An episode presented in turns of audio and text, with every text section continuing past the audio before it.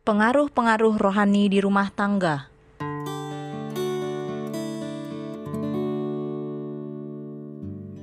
Kita dapat memperoleh keselamatan dari Allah di rumah tangga kita, tetapi kita harus percaya untuk itu, hidup untuk itu, dan selamanya mempunyai iman yang tetap dan berharap pada Allah.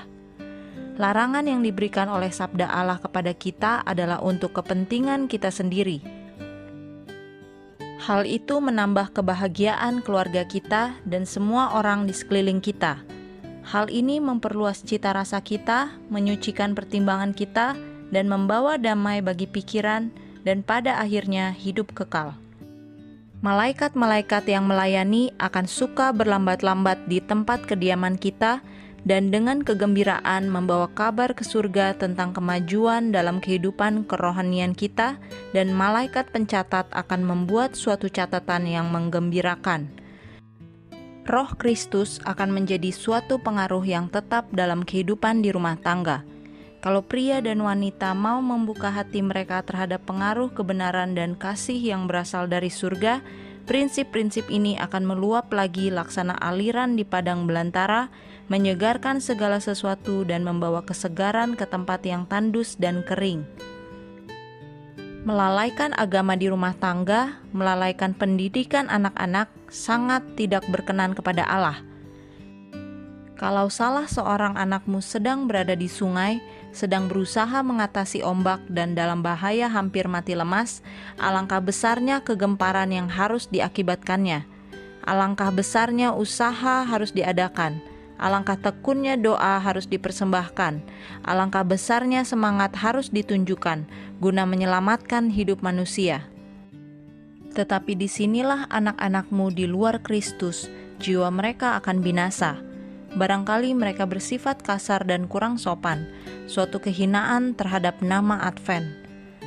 Mereka sedang binasa tanpa pengharapan dan tanpa Allah dalam dunia, dan kamu kurang hati-hati dan kurang peduli setan berusaha sedapat-dapatnya menuntun manusia jauh dari Allah, dan ia berhasil dalam maksudnya bila kehidupan rohani dilemaskan dalam urusan perusahaan, bila ia dapat menarik perhatian mereka dalam urusan perusahaan, sehingga mereka tidak mengambil waktu membaca kitab suci, berdoa sendirian, dan memelihara korban puji-pujian dan syukur tetap menyala di mezbah korban pagi dan petang Alangkah sedikitnya orang yang menyadari tipu muslihat penipu agung itu.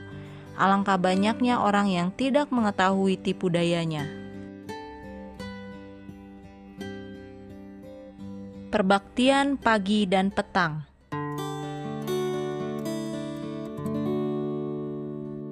Bapak-bapak dan ibu-ibu, setiap pagi dan petang, himpunkanlah anak-anakmu di sekelilingmu dan dalam permohonan yang penuh kerendahan, angkatlah hatimu kepada Allah untuk minta pertolongan. Anak-anakmu yang kekasih dikelilingi pencobaan. Gangguan sehari-hari mengelilingi jalan orang tua dan orang muda. Mereka yang mau hidup sabar, penuh kasih sayang dan gembira harus berdoa. Hanya oleh selamanya menerima pertolongan dari Allah, kita dapat memperoleh kemenangan atas diri sendiri.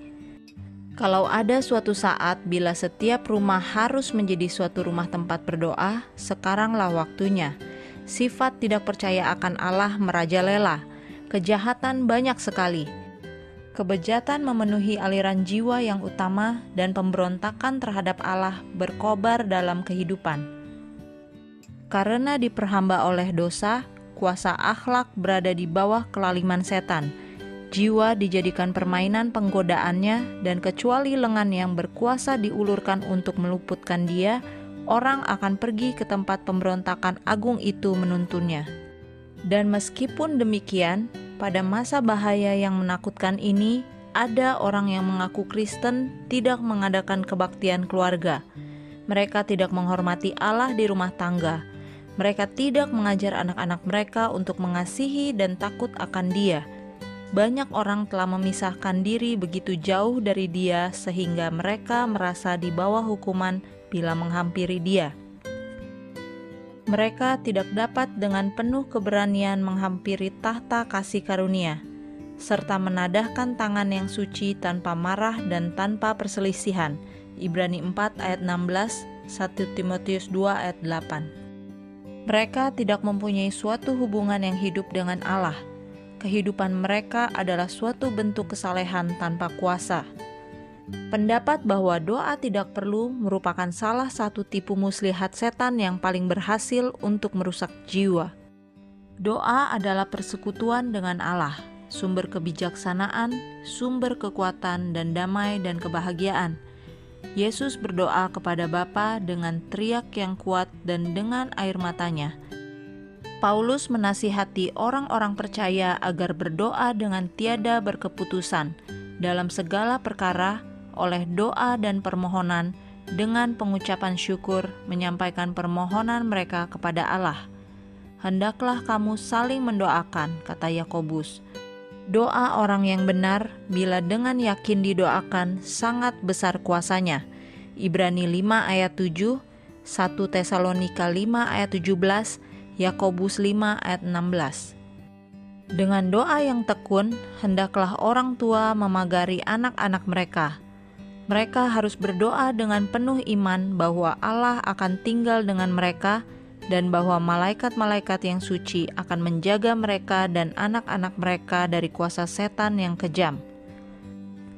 Di setiap keluarga seharusnya ada waktu tertentu untuk kebaktian pagi dan petang. Alangkah baiknya orang tua menghimpunkan anak-anak mereka di sekeliling mereka sebelum makan pagi, bersyukur kepada Bapa yang di surga atas perlindungannya sepanjang malam dan memohonkan pertolongan dan bimbingan dan penjagaannya sepanjang hari. Alangkah baiknya juga bila malam sudah tiba, orang tua dan anak-anak berhimpun sekali lagi di hadiratnya dan bersyukur kepadanya atas berkat pada hari yang baru silam. Setiap pagi, serahkanlah dirimu dan anak-anakmu kepada Allah untuk hari itu. Jangan mengadakan perkiraan untuk bulan-bulan atau tahun-tahun. Ini bukan milikmu satu hari yang singkat diberikan kepadamu. Seolah-olah itulah waktumu yang terakhir di bumi ini, bekerjalah sepanjang jam-jamnya bagi Tuhan. Bentangkanlah segala rencanamu di hadirat Allah untuk dilaksanakan atau dihentikan saja sesuai dengan kehendak Tuhan. Terimalah rencana-rencananya gantinya rencana sendiri, meskipun penerimaannya menuntut ditinggalkannya rencanamu yang kamu gemari. Dengan demikian, kehidupan akan dibentuk kian lama kian menyerupai teladan ilahi dan damai sejahtera Allah yang melampaui segala akal akan memelihara hati dan pikiranmu dalam Kristus Yesus. Filipi 4 ayat 7. Bapak atau ibu kalau Bapak tidak hadir harus memimpin kebaktian itu memilih ayat-ayat kitab suci yang menarik dan dipahami. Acara kebaktian itu harus singkat saja Bila suatu pasal yang panjang dibacakan dan doa yang panjang dipersembahkan, acara kebaktian itu dijadikan membosankan, dan pada akhirnya terasa suatu perasaan lega. Allah tidak dihormati bila jam kebaktian dijadikan kering dan menjemukan. Bila acara itu begitu mengesalkan, kurang menarik, sehingga anak-anak menakutinya.